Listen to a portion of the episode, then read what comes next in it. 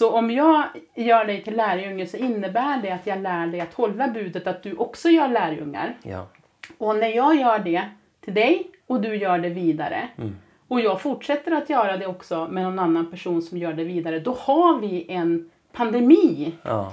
i Guds rike, alltså med, med, med Jesus som, som centrum.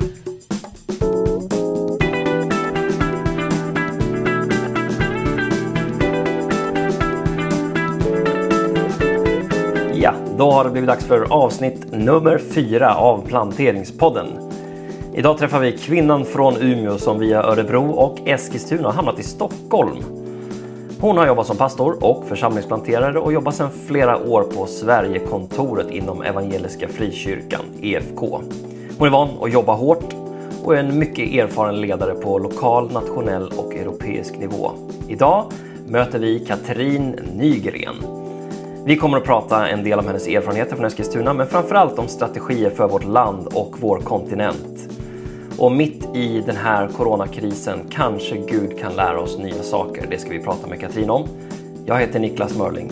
Varmt välkommen!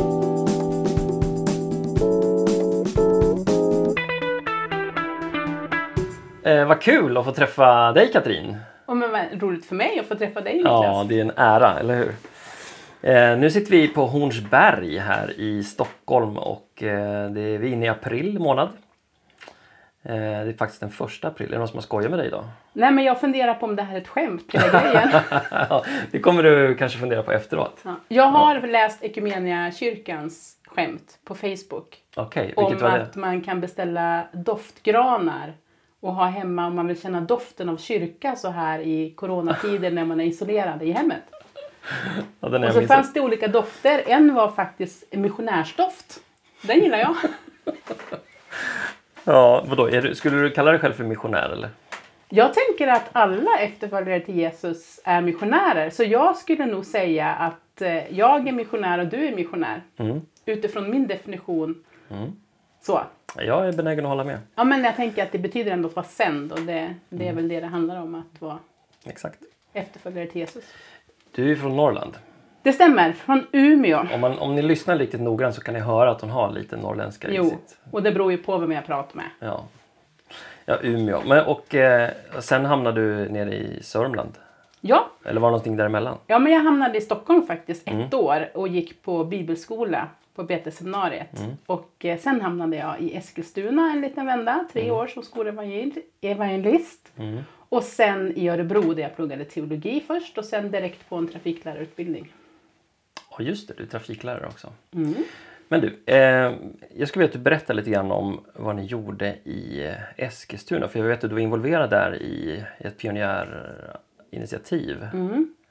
Det var ju, när jag gick och studerade teologi så kunde man välja profil det sista året på studierna och då kunde man gå en pionjärprofil eh, som jag gjorde och då gjorde vi en, vi fick göra en teoretisk församlingsplantering som uppgift. Så jag och min klasskompis Daniel Dalemo, vi gjorde en tänkt plantering i Strängnäs som hette Mötesplatsen Strängnäs. Eh, för vi var båda med i Mötesplatsen Örebro. Och sen när vi hade gjort den där klar så satt vi i ett sånt där grupprum i B-korridoren på Örebro Missionsskola. Så tittar vi på varann och så säger Daniel Katrin, vi måste ju göra det här på riktigt. Ja, sa jag. Och så gjorde vi det. Okej, och- så ni bara körde igång då? Eller? Nej, det, var, det gick inte riktigt så snabbt. Nej. Men, men det var en process som liksom, mötesplatsen hade i församlingsledningen tänkt att vi skulle vilja hitta huvudledare till att initiera en plantering. Och det var jag som hade fått uppdrag i församlingsledningen att hitta de ledarna. Och så insåg jag ju att det var ju jag själv och Daniel som skulle göra det där. Eh, och sen var det en ganska lång process. Det var nog faktiskt under ett år som vi bildade en, en husgrupp liksom i Örebro, vi som skulle följa med och började värva med folk och så. Så det var en ganska, på ett sätt, långsam process. Och vi visste inte heller vart platsen var som vi skulle plantera från början. Men hur gammal var du då ungefär? Då var jag 30. När vi flyttade till Eskilstuna var jag 30 år. Eh, och sen så höll ni på med det, eller du var involverad i drygt tio år.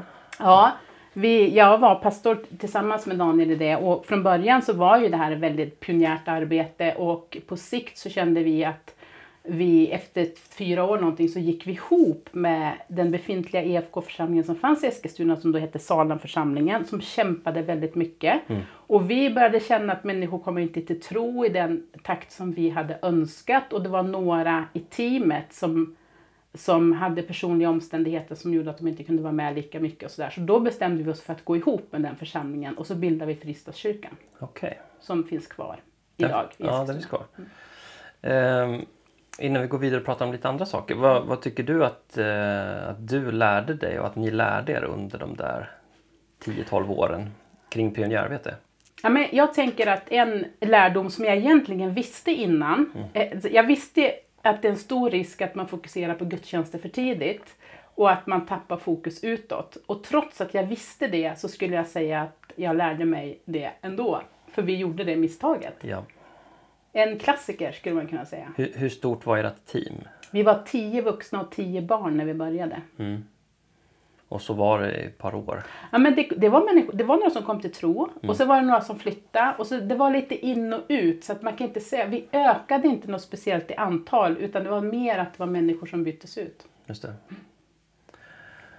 Och då blev det för tungt att göra gudstjänster? Eller vad, vad är Ja, men vi hade, jag tror att vi hade kunnat hålla fortsatt kanske ett tag till. Men det var också en parallell process med den andra församlingen i stan som vi hade ett vä- väldigt nära samarbete med och hade haft ända sedan innan vi flyttade.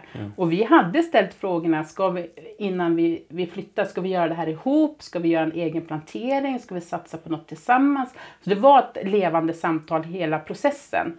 Och sen ham- blev det en situation när den församlingen också där pastorn som de hade som hade kommit för att liksom nu är det sista satsningen lite så. När han flyttade till England och de stod utan och då frågade de Daniel, vill inte du vara- bli vår pastor? Och då började vi känna, nej men det här funkar ju inte. Då behöver vi göra det tillsammans för han vill inte lämna planteringen heller. Så det var lite men det var två parallella processer där Mm, som sammanföll. Jag förstår. Eh, och sen eh, så började du jobba nationellt. Ja, 2010 så eh, fick jag frågan om att bli ansvarig för det församlingsgrundande arbetet i EFK. Och det gjorde jag på deltid och var ju då deltid också i, i församlingen i Eskilstuna. Eh, så jag har, alltså jag har under många år här haft någonstans mellan två till fyra jobb. För jag jobbade ju som trafiklärare också. Ja. Lite samtidigt. Så det har varit lite olika procenter hit och dit. Men jag har jobbat på församlingsgrund och på EFK sedan 2010. Är inte det någon slags kännetecken för församlingsplanterare att man har haft många jobb och flera samtidigt? Jo, men jag tänker det. För hela min tanke med trafiklärarjobbet, jag läste ju det väldigt medvetet för att kunna försörja mig som pionjärarbetare. Ja. Så det har jag gjort och haft det liksom parallellt. Jag har aldrig jobbat heltid med det. Nej, Utan det har varit olika varianter mellan lite till upp till 70 procent. Liksom. när jag tänker på EFK, Evangeliska Frikyrkan, och det som började som nybygget, var det 97? Eh, så tänker jag att, att det samfundet, ert samfund, var ju tidiga med att ha, en, en strategi för eh, och en medvetenhet kring detta med församlingsplantering, församlingsgrundande redan på 90-talet. Det var inte så många andra svenska samfund som hade det då. Nej, man kan nog säga att det, alltså det hör jag nu också från andra samfund att man tänker om EFK att vi var tidiga i nutid får man ju säga med de frågorna. För det har ju skett tidigare i historien. Oh ja, mm. Men från 97 när nybygget bildades då som var det första namnet så hade man ju ett eget, alltså man satte sig från början med ett eget program för församlingsgrundande och det var ju Manfred Rusner som ledde det som många känner till. Mm. Det minns jag. Ja. Så han, han blev ju pionjär på det sättet väldigt mycket att liksom röja mark för frågan överhuvudtaget och möta rörelsen och, och ge legitimitet i församlingsplantering generellt skulle jag säga. Eh, mm, så, så det finns ett längre perspektiv, om vi pratar nu modern tid, så det finns ett längre perspektiv på detta med församlingsgrundande IFK, dry- drygt 20 år.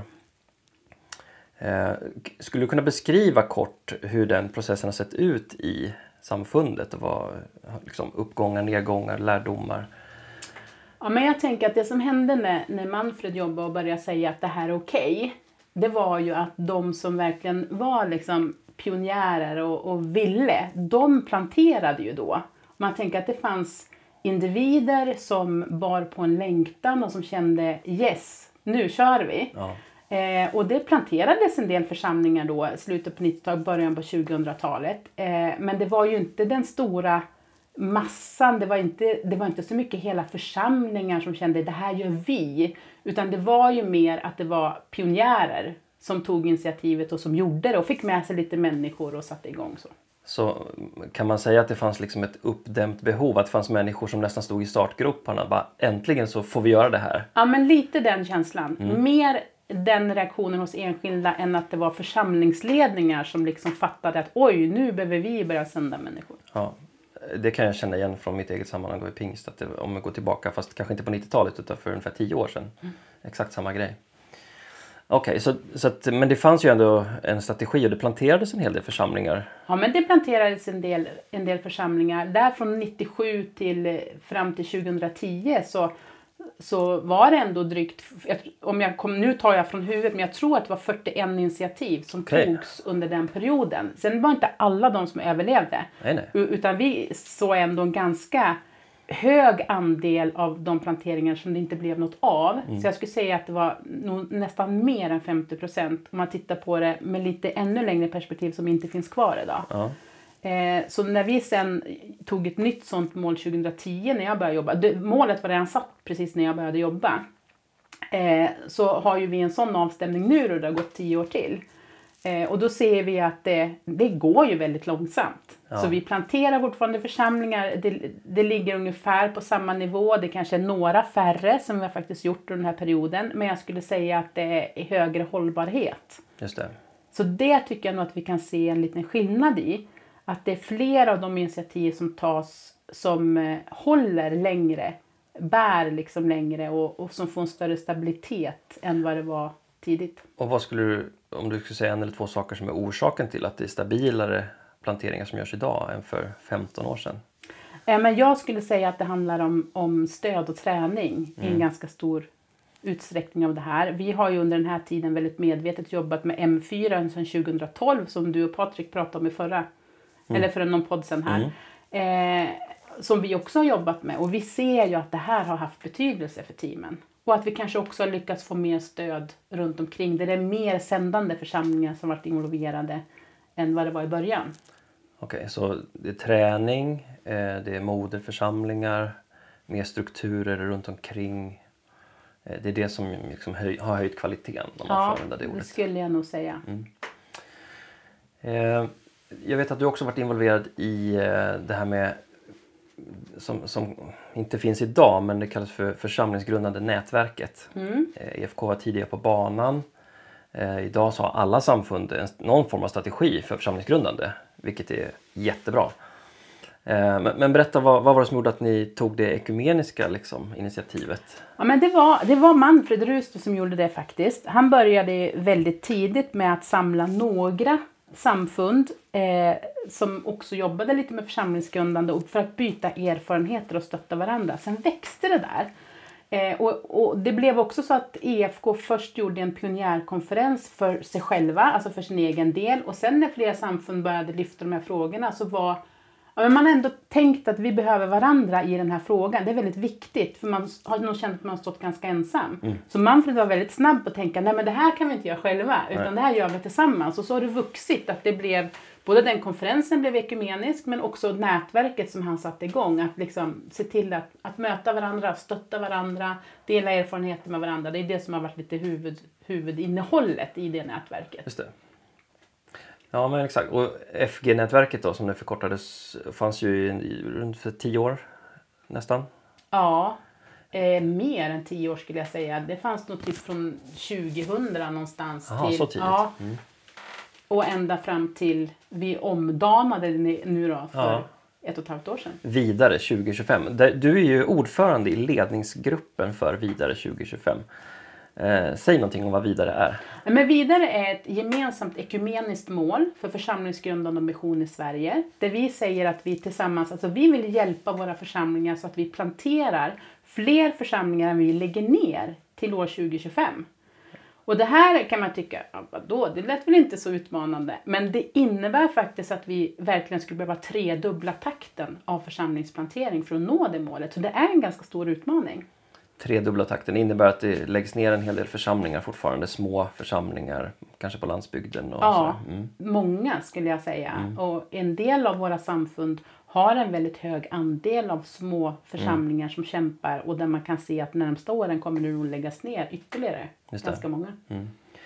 Eh, hur, hur ser du på utsikterna för det här initiativet? Det är nu 2000 nu, 2025 är om fem år. Eh, hur ser du på de här kommande fem åren i just det perspektivet?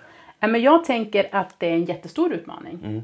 Eh, och vi behöver verkligen eh, på bred front börja, börja få igång sändandet i våra befintliga församlingar. Eh, vi behöver börja tänka multiplicering i det vi gör. Eh, att fokusera på att dela evangeliet verkligen. Människor, bara så här, inte bara att vi gör stora kampanjer för det eller att vi har kurser i våra församlingar utan att vi på ett individuellt plan får igång att dela vår tro med varandra. Det tror jag är en jätteviktig nyckel för det hänger väldigt nära ihop med församlingsplantering. Och kan du säga någonting om strategin för det? Alltså hur kan vi stimulera dem där? Du nämner ju tre superviktiga och centrala saker. Eh, att få hitta fler sändande församlingar, att eh, vittna på enskild nivå i vår vardag. Alltså, hur, hur kan vi stimulera det? Men jag tänker att vi i varje samfund och organisation som står bakom det här målet så behöver vi utmana våra befintliga församlingar och utrusta dem. Ja. Men till att också bara se och förstå att det här kan ni vara med i. För jag vet när, när eh, Manfred som jag sa röjde lite väg i EFK för att det här är okej. Så när jag började jobba med församlingsplantering i EFK då var det så att om jag pratade om att Åh, vi ska plantera 75 nya församlingar i EFK då sa alla så här ja vad bra. Och möter jag en pastor i en församling och vi pratar om det så säger alla ja det här är jätteviktigt det måste vi göra men vi kan inte. Nej, just det. Så det var liksom nästa mening. Det finns ett men. Men vi har inte möjlighet att vara med i det här. Det är jättebra, det måste göras, men det är inte vi som ska göra det. Det. Och den där grejen måste vi komma åt. Att inse att alla kan göra någonting, alla kan bidra, vi kan sända, vi kan, vi kan finnas med och supporta Ja. andra. Klarar vi inte av att sända ett helt team från vår församling så kanske vi kan koppla ihop med andra och sända några eller vi kan ge stöd på olika sätt. Ja. Eh, och, och att plantera fler församlingar än vad som läggs ner, det som du sa, det låter ju inte superdjärvt men det är ett ganska djärvt mål. Och vi Ja. har fem år på att nå det. Mm. Ehm, hur- ska man tänka? Jag vet att du, du brukar prata om det här med multiplikation. Och det, jag menar, det fattar ju alla vad multiplikation är. Men kan du sätta in det, den, de principerna kring multiplikation i den här kontexten kring församlingsgrundande och Ja, men alltså jag har ju slagits, nu är ju vi som sagt, det är första april idag. Vi befinner oss mitt i en coronakris. ja, Eh, det är ju precis en pandemi. En pandemi. Ja. Vi har ändå lyckats träffas, bara du och jag, men Mm. vi befinner oss inte på ett stort kontor med massa kollegor. nej. Utan vårt liv ser väldigt annorlunda ut. Men Mm. mitt i den här pandemin så slås jag av att på nyheterna varje dag, Mm. i mitt Instagramflöde eller min Facebook, så, så varje dag får jag se exponentiella kurvor. Just det. Och jag slås av hur jag, jag menar i flera år, har visat sådana här kurvor för församlingar, för ledare och liksom peppat och utmanat till att så här snabbt kan en utveckling faktiskt gå i att dela evangeliet. Ja, Och nu får vi helt plötsligt se det här i en negativ aspekt, men det är samma principer. Eh, som det, om, om jag delar evangeliet med dig och verkligen gör det och inte bara slutar med att du ber en bön att överlåta ditt liv till Jesus utan där jag faktiskt tränar dig till att bli en lärjunge. Så säger ju mission, missionsbefallningen säger att vi ska göra lärjungar. Ja. Det vi ska lära att också hålla de bud som Jesus ger. Och det är ju ett av buden. Alltså jag tänker missionsbefallningen är ett av buden.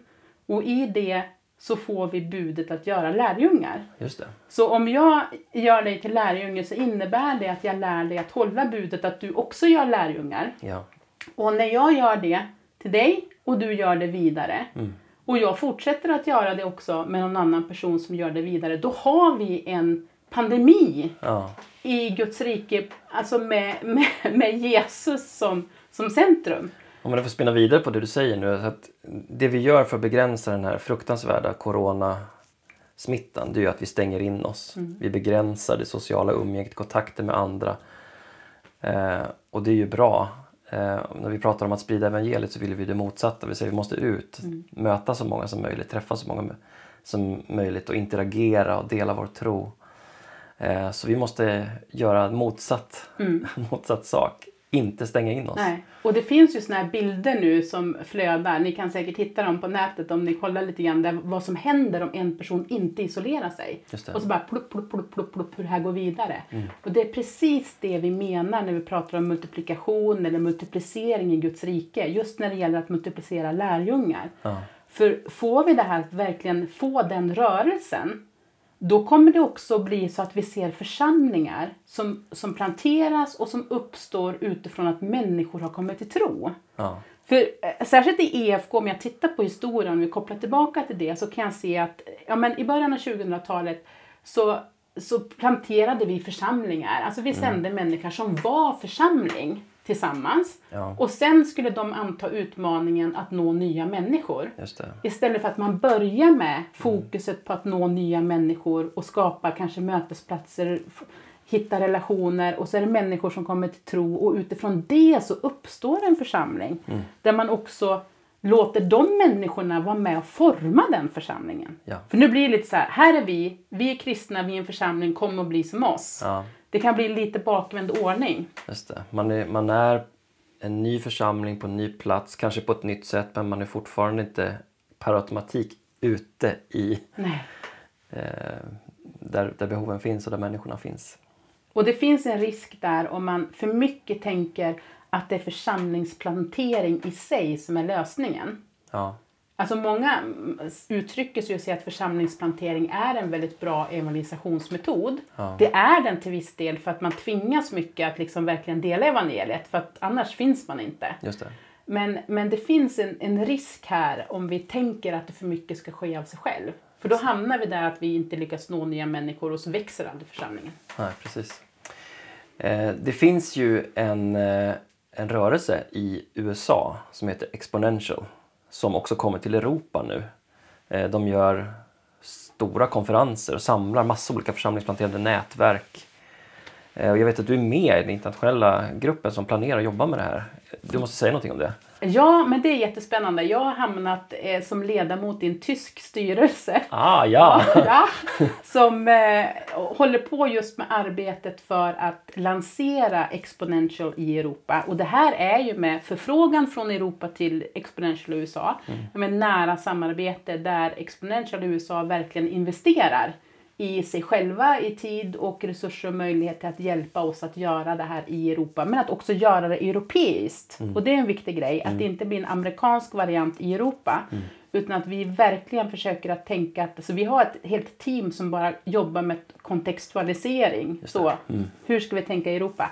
Och det är tänkt att bli en stor mötesplats i oktober nu då, 2020. Eh, ja, vi hoppas ju att det kommer att vara möjligt. Visst är det ganska många anmälda till det här redan? Ja, det är runt tusen anmälda. Nu, se, nu är det, det var det i början på januari. Nu kan man säga att anmälan Har pausat lite? har pausat lite. Av naturliga skäl. Ja. Ja, nej, men jättespännande. Jag, jag tror att vi behöver alla sådana här typer av resurser som vi någonsin kan eh, få ta emot och komma på.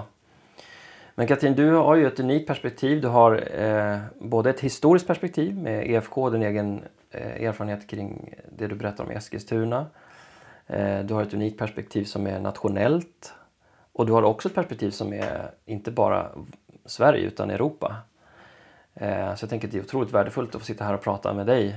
Eh, vill du säga någonting till slut liksom med, med det här perspektiv? Både det historiska, nationella och säga, kontinentala perspektivet framåt. Vad, vad tror du? Eh, Vad kommer 10, eller förlåt, 20-talet att innebära?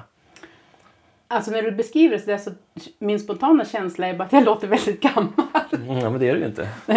jo, nej men jag, alltså jag tänker att det är väldigt spännande när man får lite europeisk blick på vad som händer. För det händer väldigt mycket i många europeiska länder. Och det finns ett stort fokus på församlingsgrundande.